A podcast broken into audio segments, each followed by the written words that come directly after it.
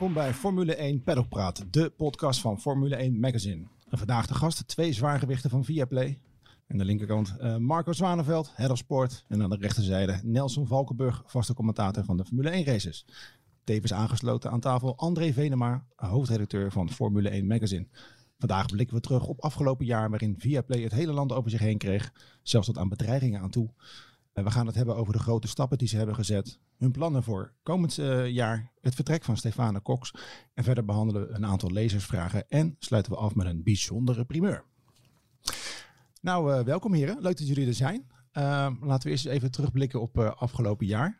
in één zin, hoe kijken jullie terug op het eerste jaar Formule 1 bij Viaplay? voor mij een achtbaan. Een echte, echte achtbaan.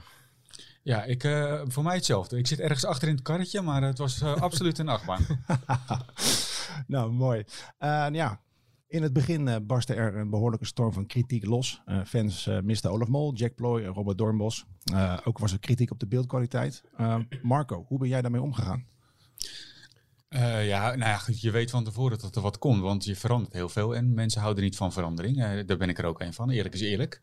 Uh, maar ja, je moet uiteindelijk ook weer naar de toekomst kijken. En we zijn op een andere manier, hebben we alles opgezet. Daar zat een visie achter en daar staan we nog steeds volledig achter ook. En we zijn er met onze ontwikkeling heel blij. Dus ja, het was moeilijk het begin. Maar goed, dat hoort bij als je veranderingen door, doorbrengt. Ja, nee, helder. En, en jij Nelson, want jij krijgt zelfs bedreigingen aan huis uh, laat, het was een enerverende start van een nieuwe carrière. Je, weet, en Marco zegt het tegen, je weet dat er wat komt. En we waren er eigenlijk wel op voorbereid. Maar op de dag zelf, als er 98.000 DM's in je Instagram komen, dan denk je, oh, er gebeurt wat. En ja, de weken en maanden daarna waren erg, erg intens. Maar ik ben ook wel blij dat uiteindelijk zaken keerden en dat je er ook wel echt van kunt genieten. Dus al met al is de balans gewoon heel positief voor mij. Ah, dat is goed te horen. Uh, nou, Marco, jij hebt je sporen verdiend in de tv-wereld. En uh, ja, onder andere bij uh, Blue Circle en later ook bij RTL. hoe ben jij ooit bij Viaplay terechtgekomen? nou, ik had contact met iemand die ik kende vanuit de grappig genoeg Champions League. En die zat in Zweden en die, daar had ik contact mee. En die zei van, goh, hoe en wat. Ja, en uiteindelijk ben ik in contact gekomen met Peter Neureland. En ja, daar waren we snel uit. Dat ging heel snel. Peter, Peter Nurrelund, dat is, ja, ja, sorry. dat is, dat is de, eigenlijk de grote man van, van Viaplay, toch? In Denemarken, ook wat de sporttak uh, betreft. Ja, hij is de grote baas van de sporttak, absoluut. en regelt heel veel van de rechten samen met een collega. ja, en hij had het lumineuze idee om de Formule 1 rechten van Nederland vast te leggen. Hoe, hoe, toen jij dat hoorde, toen jij werd benaderd, ze hadden de rechten destijds al gekocht. Ja. Was, jij, was jij verrast? Had jij enig idee? Want volgens mij zag niemand in Nederland aankomen dat een nieuwe partij als Viaplay of Viaplay, ik weet niet precies hoe het Viaplay. Viaplay, sorry. Dat Viaplay de rechten, uh, de rechten zou gaan kopen. Uh, ik had ook nog nooit van Viaplay gehoord. Dat was overigens toen de Nent Group. Uh, ja. Met het merk Viaplay. Ja. Inmiddels is alles Viaplay geworden. Ja. Maar ik had er ook nog nooit van gehoord. En het stomme is, achteraf gezien, maar ja, daar denk je op dat moment niet na is ik werkte bij RTL, waar Videoland ook was. En er werd toen ook heel veel gesproken over de, de streamingmarkt in Scandinavië. Want die was heel vooruitstrevend. Ja. En nog, nog steeds was er geen belletje gaan rinkelen. Totdat uiteindelijk de Formule 1 rechten naar Viaplay gingen. Ja, ja heel... Heel bijzonder. Uh, ja, inderdaad. Een, een, grote verrassing ook. En een schok, denk ik ook, in het, in het Nederlandse medialandschap. Uh, ja, maar ik moet wel eerlijk zeggen, kijk, ik heb, uh, wat, wat, jullie net zeiden, ik zat al langer in televisieland en er was ook al langer gaande van, ja, oké, hoe lang blijven sportrechten op open kanaal? Want uh, in het buitenland is het eigenlijk normaal dat dat niet meer zo is. Ja, klopt. In Nederland is een groot deel beschermd, dankzij de evenementenlijst, hè, bijvoorbeeld Champions League voetbal en noem het allemaal op. Ja, eigenlijk stond Formule 1 niet op die lijst, want niemand interesseerde zich voor de Formule 1 totdat Max Verstappen kwam. Uh, ja, en daar hebben ze heel handig gebruik van gemaakt. En naast de Formule 1 hebben ze natuurlijk ook een aantal andere sporten meteen uh, binnengehaald. Uh, waaronder Premier League voetbal en darten, wat natuurlijk ook een grote sport is in Nederland. Dus er, er lag meteen een heel goed basispakket. Ja, ja nee, inderdaad. En daar, wat je net ook aangaf, voordat we begonnen met de podcast, je moest echt helemaal beginnen vanaf scratch. Hoe, hoe, was dat en hoe kon je in zo'n korte tijd een heel team samenstellen? Ja, nou, dat was best een, uh, even wennen. Want ja, je zit in een groot bedrijf als RTL. Op een gegeven moment zit je in je eentje thuis met een laptop eh, die opgestuurd is vanuit Stockholm. Eh, ja, en, en dan? Waar ga je beginnen? Het lekker is, je mailbox is leeg, dus dat is heel fijn. Uh, maar Waar, ja, waar begin je dan mee? ja, uiteindelijk, eh, ik, ik, had natuurlijk, ik wist dat ik ging op een gegeven moment, en we- de datum was bekend, dus ja, uiteindelijk ga je lijstjes maken van oké, ja, we moeten presentatoren Hmm. hebben, we moeten analisten hebben, eh, maar dat is het logische deel. Maar wij gingen ook nog even een productiebedrijf opzetten. Eh, dus we hadden ook mensen nodig die iets gingen maken. In plaats van dat je naar een producent gaat en zegt: Hallo, kunnen jullie voor ons een eh, Formule 1 voetbalprogramma Precies. of een dartsprogramma Ja. Dus ja, er moest zoveel geregeld worden. Dus ik heb echt alleen maar gesprekken gehad met mensen om, Ja. eh, om die vast te leggen en te zoeken. En eh, ja, voor mij op 1 maart, toen gingen we beginnen met uitzenden. Vorig jaar was dat. Eh, toen kwamen er ook nog tien mensen binnen die nog nooit televisie hadden gemaakt op die dag. Ja, dat was echt niet normaal meer. Ja. Dat was waanzinnig om te zien. Maar het, het mooie is wel, en we, we, hebben het over Formule 1. Maar ja, we doen meer. Precies. En als je ziet hoe eh, de teams zich hebben eh, ja, eh, vrijgevochten en alles hebben aangeleerd, dat is echt geweldig om te zien. Dat is echt heel mooi. Ah, mooi, goed te horen. Hey, en jij eh, Nelson, nou goed, je hebt ook al eh, behoorlijk wat meters eh, gemaakt als commentator in de afgelopen 16, 17 jaar. Ja, zo rond die, rond die koers. Het, de jaren beginnen langzaam maar zeker te tellen op deze manier. Ja, en daarnaast natuurlijk autosport jou met de paplepel ooit in gegoten. Want je ouders hadden een eigen raceteam, Ja. Geva Racing. En daar ken je natuurlijk ook Melroy van, die daar ooit als... eh, nou, jullie kennen elkaar van mij al eerder, maar hij heeft ook voor jullie team gereden. Ja, wij, wij kenden elkaar al eerder. Als je ongeveer in dezelfde leeftijdsgroep zit en je groeit alle twee op op het circuit, dan kom je elkaar onherroepelijk tegen. En wij werden heel gauw vrienden. Eh, dat, ja, dat vormde zich in één keer dat, toen hij zijn racelicentie ging halen. En toen bleek hij ook nog snel te zijn naar een kans eh, dat hij voor Gevaar zou rijden. Heb ik heel lang gezeurd bij mijn ouders. en eh, toen hadden we een deal dat hij eh, voor ons zou werken gratis. In ruil zou hij één race mogen rijden. Het Formule Ford Festival, het officieuze WK. En dat Alleen- ging eh, behoorlijk goed, geloof ik, hè? Nou ja, vlak voor het seizoen, hij als monteur, werd onze coureur ziek. En toen mocht hij invallen. Toen won hij alle races dat jaar. Precies. Dus ja, maar in, in de tussentijd woonde en werkte hij gewoon bij ons. Dus wij zijn altijd close geweest. En eh, altijd met elkaar op pad geweest. Dus dat we dit samen mogen doen is echt wel, eh, eh, wat dat betreft, wel een bizar, een bizar vervolg van dat, Ja, van leuk. dat boek. Gaaf. Maar dan vraag maar af, hè, als je al zo lang dikke vrienden bent. heeft die vriendschap jullie afgelopen jaar ook af en toe part gespeeld? Ik was heel benieuwd. Ik was echt heel benieuwd. Want eh, als je bij elkaar woont, dan nog heb je wel privacy. En heb je Precies. eh, momenten dat je niet bij elkaar bent. Maar in dit project ben je bijna continu op pad. Maar op de een of andere manier hebben wij hetzelfde nodig. Hebben we ook op hetzelfde moment eh, wat rust nodig. Kwamen we achter, wisten we ook niet. En eh, we zijn eh, ongeschonden er doorheen gekomen zonder een onvertogen woord. Dus Ah, nou, dat wat is, dat betreft was het wel een goede bevestiging. Ah, fijn, goed te horen. En nog even het laatste over afgelopen jaar. Wat was jullie hoogtepunt? Goh, ehm, ik denk een van de hoogtepunten sowieso eh, het moment dat ik op, de tri- op een trap stond naast de commentaarpositie op Zandvoort met, ne- met het eh, Nederlands volkslied. Toen dacht ik echt, toen ik het Wilhelmus hoorde, dacht ik, poh, Mooi. dit is wel heel speciaal. Ja. Maar die eh Bahrein testdagen, toen werd het... De de aanloop was heel lang voor ons en heel intens, hebben we het net al over Mhm. gehad. En in Bahrein werd het ineens echt. En dat was wel zo'n bijzonder gevoel. En toen hadden we die race gehad, ontlading, met z'n allen blij. We hebben het geflikt, allemaal gelukt. En nu moeten we er nog 22. En dat gevoel van dat, dat snijpunt van opluchting en kijken naar de kalender wat er nog meer ging komen. Hele dat was. Ja. het was een heel bijzonder gevoel. Maar ehm, ja, het werken in deze groep. eh, je bent met 20, 25 mensen op het circuit van verschillende landen, verschillende nationaliteiten. Ja. Dat is wel heel leuk hoor. En dat, eh, dat zijn een hele hoop hoogtepunten bij elkaar. Ja, ja, ik kan me voorstellen. En voor jou, Marco? Ja, alles is eigenlijk een hoogtepunt. Want ja, je begint op nul en eh, je bent nog steeds klimmende, zeg maar. Eh, maar eh, de eerste Grand Prix qua uitzending, dus dat was de Grand Prix van Bahrein Mhm. vorig jaar. eh, toen hadden we niks af. Zat onze regie, die deed het ook nog niet. Dus dat was een soort van viewingruimte geworden van iedereen van Viaplay die uit Scandinavië kwam. Eh, ja, dat was al een hoogtepunt, omdat ik, ja, ik had een gevoel, ik wist wat we gingen doen. Ik had hun uitzending allemaal gezien.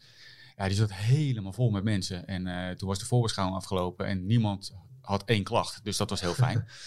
dus dat was een hoogtepunt. Ja, en Ja. voor de rest Zandvoort. Want ja, Zandvoort was voor mij eigenlijk... Ja, daar moesten we het laten zien. Daar moesten we laten zien dat we de Formule 1 omarmden. Ja. En dat we het eh, anders deden dan dat het geweest was. Eh, en ik weet nog dat ik, ja, ik, ik eh, ja, we zitten allemaal lijstjes te maken, dingen door te rekenen en noem maar op. Dus op een gegeven moment ik naar de redactie, ik zeg, nou, ik zeg, ik ben eruit. We gaan uitzenden tien dagen, want de krampje van België zat er ook nog in. Nou, toen werden ze al een beetje wit, zeg maar. Ja. En Eh, ik zeg ja, tijdens Zandvoort op vrijdag eh, beginnen we. Ik heb geen idee van, van exacte tijden, maar laten we zeggen half elf eh, s ochtends en tot zes uur. Op vrijdag of op zaterdag nog langer en op zondag nog langer. Ja. En iedereen die zat me echt aan te kijken van jij bent helemaal knotsknetter gek geworden. Maar uiteindelijk op zondag, toen de race afgelopen was en alles gelukt was, ja, dat was fantastisch. En ook de blijdschap bij iedereen en hoe iedereen ermee omgegaan was. De inzet, dat was Ja. echt, echt heel mooi. Ja, Zandvoort was echt bizar. Want volgens mij hadden wij eh 66 mensen on site voor, eh, voor het weekend. Met kaarten. En eh, we waren met zo'n enorme ploeg. En met alle analisten en alles werd live gedaan. Eh, alle wedstrijden. Het was, eh, ja, dat was, dat, was, dat was inderdaad wel eh, het summum wat we op dat moment konden doen. Ja, gaaf. Nou, leuk. Eh, voordat we gaan vooruitblikken naar eh, dit jaar, hebben we nog een leuke weggeefactie voor onze luisteraars. Wil je kans maken op een prachtig boek over Lewis Hamilton? Geef ons dan een leuke review op Spotify of Apple Podcast.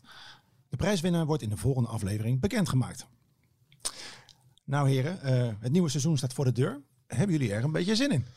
Ja, het begint te kriebelen. Het is, eh, ik ben niet gewend geweest om eh, eh, zoveel maanden in die zin niet op zender te zijn. Als je als freelancer televisie maakt, dan ben je altijd bezig. Ja. Dus ik heb er eerst, en het was broodnodig, echt even helemaal uitgestaan. Ja. Maar nu begint het wel echt te kriebelen. En ik heb wel zin om naar Bahrein weer af te reizen. Ja, ik kan me voorstellen. Ja, volgens mij heb jij, Nelson, je zei net dat je al eh, dat je je stem, eh, stembanden alweer een beetje hebt laten eh, trillen. Ja, dat is ook week. nodig. Want eh, dat geldt voor iedereen met, met werk waar je over na moet denken. Als je een paar maanden dat niet doet, dan eh, kun je dingen weer verliezen. De scherpte verliezen. Dus eh Melroy en ik hebben alweer wat eh, eh, wedstrijdjes droog gedaan. Gewoon om even weer het stof van de stembanden af te halen. En dat is gewoon goed. Ja. Ja, Eh, nee, ik, ja, ik, heb, ik niet. Eh, Totaal geen zin in. Jij, jij hebt volgens mij al helemaal geen stof meer op je stembanden, toch? Nee, nee, zeker niet. Nee, er is genoeg gesproken. Eh, nee, ik heb er zeker zin in. Maar ik moet ook wel heel eerlijk zeggen dat... eh, maar dat heeft meer te maken met de, de- rest van de rollercoaster waar we in zitten. Dat ik denk van, nou, mag nog wel een maandje duren. Maar eh, ja, als Formule 1-fan eh, ja, kan je eigenlijk niet wachten. Dus eh, laat maar komen, eh, die raceauto's en, eh, en, die, en die mooie gevechten. Ja, precies. En eh, wat is jullie verwachting voor dit, eh, voor dit jaar? Of beter, waar hopen jullie op? Nou ja, eh, laat ik zo zeggen. Als televisiemaker hoop je op zo lang mogelijke strijd met zoveel mogelijk rijders en teams. Ja. Tot aan het finishgaatje van eh, de Prix van Abu Dhabi. Want dat is waar we het voor doen. Precies. En voor jou? Nou, laten we in ieder geval hopen dat Red Bull eh, eh, stevig en goed start. Dat ze een goed fundament hebben. Dat gaan ze nodig hebben. Mhm. Eh, omdat ze hoogstwaarschijnlijk niet mee kunnen eh, tot het allerlaatste qua ontwikkeling. Hè. We weten waarom. Ze hebben die straf gehad. Ze hebben vorig jaar gewonnen. Dan heb je wat minder tijd in de windtunnel. Mercedes gaat zich gewoon erbij melden. Dat is de verwachting die we eigenlijk allemaal hebben. Als dat niet zo is, dan is er echt iets mis. En dan is het groter dan wat Toto Wolff verwacht, het Ja. probleem. Ehm, er wordt wat negatief gedaan over Ferrari. Maar eh, vanaf Barcelona vorig jaar hebben ze die motor teruggeschroefd. Op dat moment was de angel uit die auto en uit het seizoen. En wat we meer en meer horen is dat ze terug op het oude vermogen of eroverheen zitten. Met het gevoel dat die motor heel blijft. Nou, als dat zo is, met wat meer efficiëntie en wat meer gevoel, eh, zelfvertrouwen en ook het Ja. geloof dat het kan, dan moet het, en daar hopen we natuurlijk al jaren op, een seizoen worden van drie teams die strijden altijd om de overwinning. Eh, maar niets doet mij vermoeden dat Red Bull niet het, st- het stevigste fundament heeft. Ja, maar inderdaad. Laten we hopen op een hele mooie strijd die lang, eh, lang duurt. Zodat we allemaal kunnen genieten van een fantastisch jaar. Ehm, bij jullie bij Viaplay, gaan er nog dingen veranderen voor de kijker dit jaar? Eh, nou, het zal niet super veel veranderen, want we hebben vorig jaar natuurlijk zoveel veranderingen doorgevoerd. We Ja. kunnen niet aan de gang blijven. Eh, daar ben ik heel eerlijk in. Nee, maar we hebben zeker nog dingen waar we aan moeten werken, eh, die we moeten verbeteren. En het zit in de kleine detailtjes. Ehm, en we zijn ook wel echt aan het kijken van oké, wat willen we nog? Willen we er nog dingen bij doen? We hebben natuurlijk heel veel extra content ook gemaakt afgelopen winter. Ja. Ehm, we zijn nu druk bezig met een aantal andere dingen. Dus ja, we, we komen nog wel denk ik met nieuwe, nieuwe ontwikkelingen. Maar ja, we gaan eerst maar eens even de start van het seizoen doen. En dan gaan we daarna even verder kijken. Gaat, gaat de nieuwe, eh, de nieuwe pit, eh, pit report, laat ik het zo even noemen, eh, het hele seizoen eh, doen? Ik hoop het wel. Ja, nee. nee, maar eh, ik heb, de, de- het, het zal niet zo zijn dan. Maar ik had ook gehoord dat er misschien eh, dat meerdere mensen Nee, dat het zouden Ik, gaan. ik weet waar jou doet. Ja, nee, eh, eh, kijk, we, zijn- we zijn... want, want uit de, laten we, ik bedoel, Tom en Hopin hebben het afgelopen jaar natuurlijk niet slecht gedaan. Hè, terwijl toen Nee, ze nee. Stefan vervingen. Nee, kijk, het is heel, het Formule 1 seizoen is echt heftig. Dat hoef ik jullie ook niet uit te leggen. Nee. Jullie zijn ook met een aantal mensen op locatie. En ja, vlieg maar eh, 24 keer de wereld rond. Hè.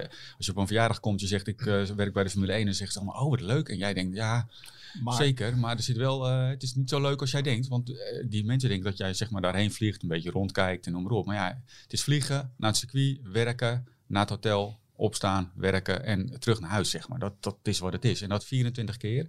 Als je naar de kalender kijkt van aankomend jaar, eh, aan het einde van het jaar, hè, Grand Prix van Amerika, Grand Prix van Mexico, Grand Prix van Brazilië, allemaal achter elkaar. Een Ja. week niks. Las Vegas, alles in de avond en in de nacht.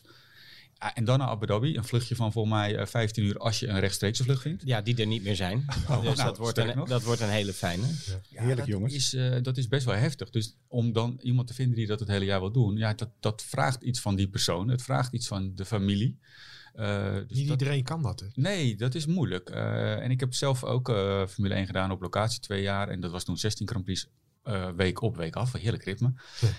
En ik vond dat best wel heftig. Terwijl ik echt wel gewend ben om eh, weinig te slapen en hard te werken. Dus ik, ik, ja, ik heb af en toe wel medelijden met die jongens. Maar dat moet je niet tegen ze vertellen. Nee. Nee, maar je, wat je gewoon nodig hebt ook is... A, je moet er heel veel lol in blijven houden. En daar is dat he- die hele ploeg heel belangrijk voor. Want je zit continu met andere mensen in de huurauto. En het is altijd gezellig. Wat dat betreft met Denen en Finn en Noren. Allemaal goed gevoel voor humor. Maar je hebt thuis ook wel echt support nodig. Want ja, op een gegeven moment kom je maandag terug. Dan moet eh, de was gedaan worden. Want je gaat woensdagochtend weg. En wat je vooral niet moet hebben, is dat je je schuldig gaat voelen. Dat je Ja. nooit naar een verjaardag kan. Dat dingen ehm, niet zo lopen eh, zoals je misschien zou willen. Omdat je wat mensen niet meer eh, ziet, die een beetje uit het oog verliest. En dan heb je die drie maanden maar om dat weer een beetje recht te trekken.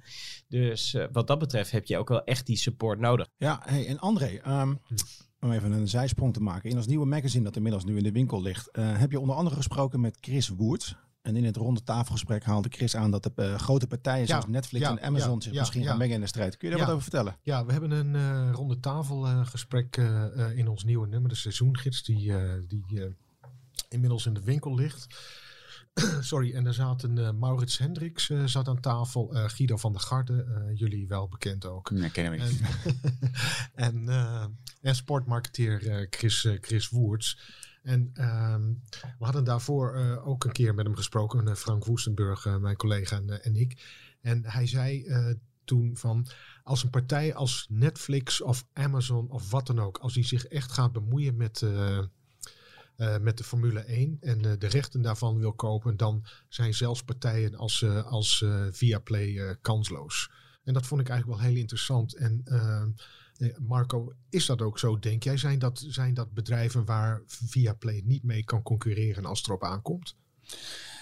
Ja, eh, weet ik niet. Dat ligt er natuurlijk aan hoe ze dat gaan aanpakken en eh, waar ze naartoe willen. En eh, kijk, als ze het internationaal op een groot gebied Ja. doen, is het misschien weer iets anders. Maar eh, kijk, eh, we moeten denk ik niet onderschatten, want dat hebben wij ook niet gedaan. En dat was best wel ingewikkeld. Kijk, een streamingsplatform runnen met films en series is al heel mo- moeilijk hè, Ja. om de content te vinden, noem maar op. Maar dan uiteindelijk heb je een basissysteem, daar zet je al je bestanden in klaar. Op het moment dat je live gaat, komt er een compleet nieuwe wereld op je af.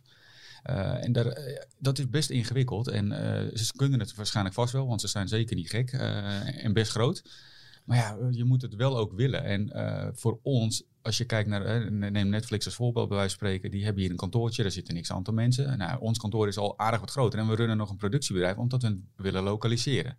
Want dat is toch belangrijk voor de markt. Als je dat in alle landen wil doen waar je bijvoorbeeld Netflix bent, heb je best een klusje Ja. te gaan. Dus ja, ik, ik heb geen idee. Maar ja, goed. Maar is het niet gewoon een kwestie van geld uiteindelijk? ja, alles is een kwestie Daarom. van geld, toch? Ja. Ik bedoel, Wie heeft de diepste zak? Ja, maar dan moet het zich ook gaan renderen uiteindelijk. En wat Marco zegt, als je dat per land dan wil bieden, wat iemand voor de Spaanse markt Nou, wil maar hebben en de Nederlandse. Maar als we dat nou eens doen, hè, ik weet niet of het, het klopt, ik heb het ook maar gelezen, maar er wordt dus beweerd dat eh Vi- Viaplay 30, tussen de 30 en 35 miljoen per jaar betaalt voor de Formule 1 rechten voor de Nederlandse markt. Valt dat, ik weet niet of het zo is, maar valt dat terug te verdienen? dat is wel de bedoeling, want anders Ja, dan heb nee, je een dat- slechte business Ja, case, toch? ja, ja. Ja. Ik bedoel, eh, nou ja, kijk, uiteindelijk, eh, sport is een, eh, ja, een, een, een, andere vorm van content die je op een heel korte basis heel veel kan brengen. Dus als jij, nou ja, neem de voetbalrechten, Ja. waar Ziggo Champions League en Europa League weggekocht heeft, ook bij, de, bij zenders als RTL en Talpa. Ja, daar gaat ook iets veranderen, maar de reden dat ze dat gedaan hebben is om gewoon hun zender neer te zetten. Zo simpel is het. Ja. En uh, ja, wij hebben uh, met Formule 1, voetbal en darten in één keer zijn wij de markt ingestapt. Dan sta je ergens. Uh, we hebben iets gedaan wat nog nooit in Nederland gedaan is op die manier. Ook niet met het aantal abonnees. Ja. Ja, dat is heel bijzonder. En ik denk ook dat een hoop mensen naar ons zullen kijken. Maar laat, ik ben vorige week in Engeland geweest bij een Formule 1 meeting vanuit de organisatie. Ja, en daar wordt Viaplay als voorbeeld gezien van hoe je vandaag de dag dingen moet doen.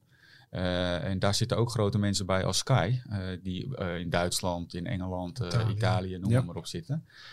Ja, en daar werd toch stiekem gezegd van ja, Viaplay heeft het toch beter voor elkaar inmiddels. En dat is fijn om te horen voor ons en het geeft ook wel aan waar we staan. Ja. ja, en los van dat, eh, als ik één ding afgelopen jaar wel geleerd heb, is dat werken met een soort angstgevoel achter je, van dat je overal maar op voor moet zijn, dan ben je ook je werk niet meer aan het doen, ben je er ook niet uh, van aan het genieten. Dus ja, wie weet hoe de wereld er überhaupt over vijf jaar uitziet. Uh, laat staan vijf maanden. Daarom. Dus ik denk niet dat je op die manier, de, als de angst gaat regeren voor de voor dat soort partijen, maar ook voor andere dingen, dan kom je er helemaal niet meer uit. Nee, en ik, ik denk, ik neem ook aan dat, uh, dat Viaplay er ook uh, voor de, voor de uh, nog langere termijn in zit dan de drie jaar. nou ja, kijk, met Formule 1 is het een iets ander verhaal. Om het, hebben, daar hebben we nu drie jaar rechten van, ja. maar dat we er voor de lange termijn in zitten is wel zeker. Want voetbalrechten liggen tot en met 2028, handbal tot en met 2031.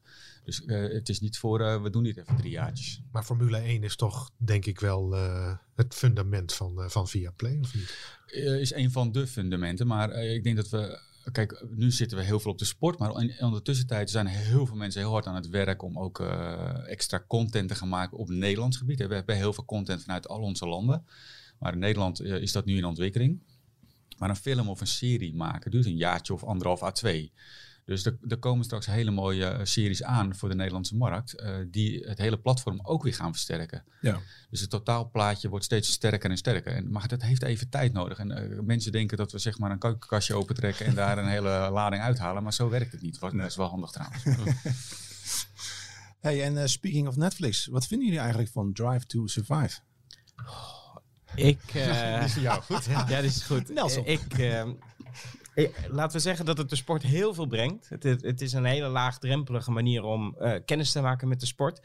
Maar voor ons, en zeker als je er dag in dag uit mee bezig bent, word je een beetje gillend gek van de uh, sensationele manier waarop dingen worden neergezet.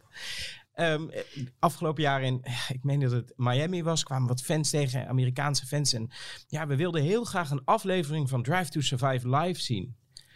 En toen dacht ik, oh, ja, oké, okay, prima. Maar goed, de stoelen zijn gevuld. Uh, sponsoring levert meer op voor de teams. Het, er zijn meer kijkers, wat ons allemaal helpt. Dus ja. uiteindelijk, uh, per saldo is het goed. Maar als pure, pure fan, denk ik, oh, het, uh, het is wel echt uh, een soap uh, geworden. Ja, ja. Echt heel sensationeel. En jij, Marco? Ja, ja kijk, het, heeft, het, is goed voor de sport. En uiteindelijk, uh, het, het, maakt niet uit. het moet wel een beetje reëel zijn. Er zit, je, je merkt gewoon dat audio van de onboard bijvoorbeeld verlegd worden en noem het allemaal op. Om eigenlijk een soort van ruzietje te creëren. maar ja, de sport moet eigenlijk groter worden dan groot. En dat is Formule 1 wel. En ik denk dat we uh, Formule 1 komt uh, volgende week uh, met een, nieuwe payoff. Die mag ik helaas niet verklappen nu, maar die hebben wij vorige week te horen gekregen. Die, die payoff vertelt eigenlijk wat de sport is. Hè? Want de Formule 1 is niet zomaar iets. Het is veel meer dan alleen maar racen. Er zit techniek achter, er zit politiek achter. Het is een soort 24 uur economie entertainment, politiek, het heeft alles. Ja, en dat is wat natuurlijk wat de Formule 1 maakt. En Drive to Survive draagt daar echt heel veel aan bij. Ja, ja een goed voorbeeld is bijvoorbeeld de Grand Prix van Monte Carlo, Monaco. Van buiten denk je, wat een onzin weekend. Ja. Want de zondag gaat uiteindelijk niet om die wedstrijd. Maar die zaterdag is de leukste van het jaar om commentaar van te doen. Want closer dan close. Er moeten meer risico's genomen worden. Ja. Het is super spannend. En zo na die eerste twee dagen liep ik rond en denk... Oh ja, ja, het is gewoon een uithangbord. En zaterdag, daar draait het om. Nou ja, die zondag was uiteindelijk ook spectaculairder dan normaal. Maar uh, het, weer, het weer hielp daaraan mee. Ja, ja, maar klopt. die zaterdag was echt een van de meest spectaculaire dagen van het jaar. Maar dat zeggen coureurs ook. Hè? Vraag aan iedere willekeurige coureur. Ze zeggen... Uh, kwalificatie Monte Carlo. Dat is, dat het is, summum. Dat is het ja. summum van, uh, van, een, van een jaar. Ja, en, en zo voelt het ook vanuit de commentaarpositie. Ja. Gaaf. Hey, we hebben nog wat uh, vragen gekregen van onze luisteraars. Rick Muller vraagt onder andere: Wat hebben jullie geleerd van het commentaar van de kijker en wat hebben jullie hiermee gedaan of gaan jullie hier nog mee doen?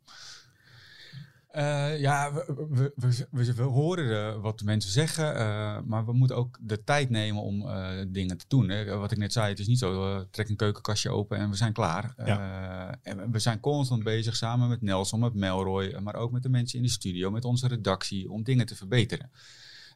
ja, en je kan niet iedereen gelukkig maken, want de een vindt rood mooi en de ander groen. dus we zullen altijd, zullen mensen dingen misschien niet goed vinden. Ja, we luisteren zeker. We proberen dingen te verbeteren. Dat hebben we ook gedaan ten opzichte van wat het was voor ons gevoel. Hè, met onze andere uh, visie. Hè. De duo-commentaar is daar een goed voorbeeld van. Ja. Dus ja, we blijven zeker in ontwikkeling. We staan niet stil, want dat uh, stilstand is achteruitgang. Is er, is er een concreet voorbeeld, uh, kun je een concreet voorbeeld noemen waarvan je dacht van hey, uh, een, een, kritiek of opmerking van daar hebben we echt iets mee gedaan, uh, heel direct? Zeker. Ja, nou, we hebben heel veel. als we, nou goed, ik betrekt een beetje op Nelson omdat hij hierbij zit. Maar we, ik heb bijvoorbeeld een aantal keer echt wel met hun contact gehad. En hebben we ook nog weer een keer extra geoefend om iets meer stilte in het commentaar te krijgen. Wat natuurlijk heel veel geroepen werd in het begin. alleen wat dat het klopt dat het wat drukker is en wat voller dan dat het was. Maar dat heeft ook te maken omdat we race control hebben toegevoegd met Allard.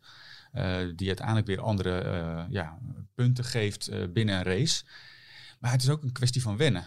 Ik heb vanaf dag één eigenlijk gezegd, hè, ik bedoel, als je een nieuw bed gaat kopen en dan denk je, lig je in de winkel, dan denk je, ah, lekker man, hé. En dan komt hij thuis en denk je, oh, dat was toch de verkeerde beslissing. Maar ja, een paar dagen later denk je, dit is toch het beste bed van de wereld. En ja, het, heeft even tijd nodig. Ja, het is wel een zoektocht geweest hoor, voor ons om die, om die juiste balans van, van rust en intensiteit te vinden. En dan, zeker als je aan het begin van het jaar ook nog wat zenuw hebt, dan is dat extra lastig. Maar het is wel uh, iets waar we hard aan werken. En, en dat geldt voor die hele groep. Overal worden kleine details veranderd. En, en dat maakt uiteindelijk het grote verschil. Maar je komt ook een beetje terug bij wat ik in het begin zei. Je vroeg naar de hoogtepunten en Zandvoort was mijn hoog, een van mijn hoogtepunten. Ja. Daar kwam alles wel echt bij elkaar. We hebben, we hebben zo lang televisie gemaakt. Iedereen heeft daar zoveel geleerd. En je zag, en dat vond ik heel mooi, ook het publiek. Uh, we, zien de haters op social en dat, dat mag en allemaal prima.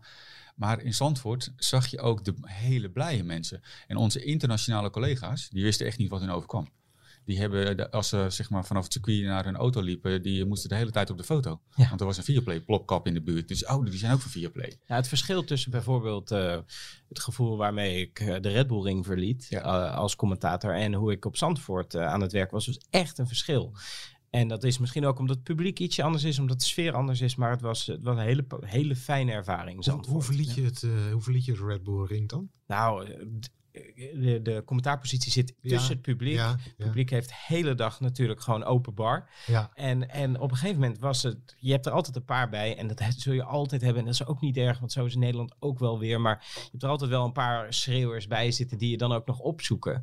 En dat, dat op dat moment dacht ik, poh, toen dacht ik echt, waar ben ik eigenlijk aan begonnen?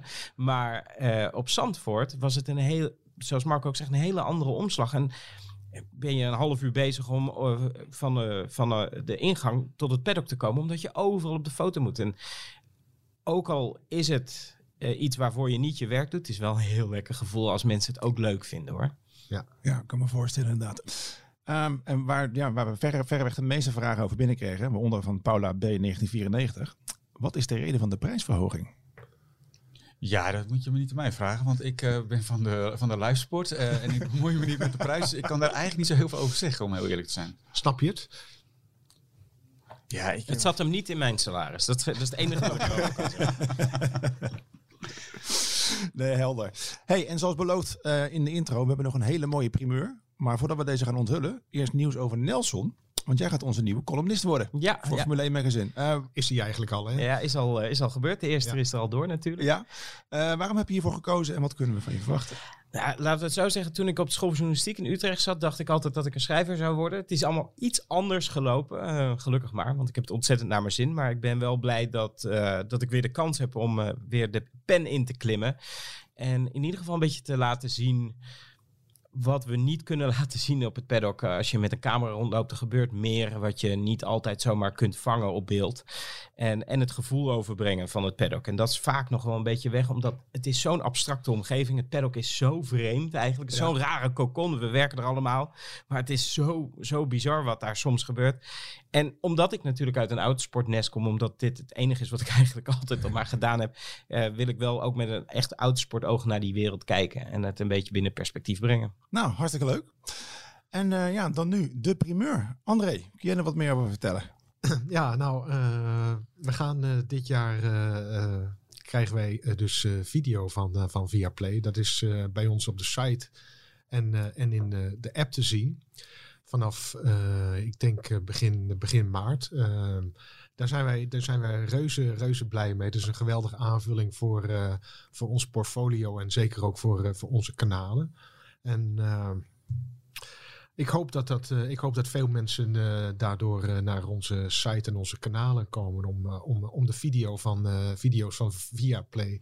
Ik, ik, maar ik zeg steeds Viaplay, maar goed, van Viaplay ook. Te, Niet in te, te bekijken. Ja, precies. weet je, ik, potato. Ik heb, ik heb Viaplay, dus ik kom al heel lang in Finland en daar is Viaplay al heel lang heel groot. En daar wordt het uh, volgens mij als uh, Viaplay uitgesproken. Nee, en, niet. Nee? nee. Oh. Nou, nou, jouw Zweeds is niet zo goed dus. Vins. Oh, Vins, sorry. Maar goed, om even terug te komen. We zijn, uh, we zijn reuze blij dat wij video's gaan, gaan uitzenden. En ik zou zeggen van, weet je, check onze site. Zeker in, in raceweekend. En ik denk, Marco, dat het, dat het voor jullie toch ook leuk is dat een een kwaliteitsmedium als Formule 1 magazine uh, video's van Viaplay gaat uitzenden.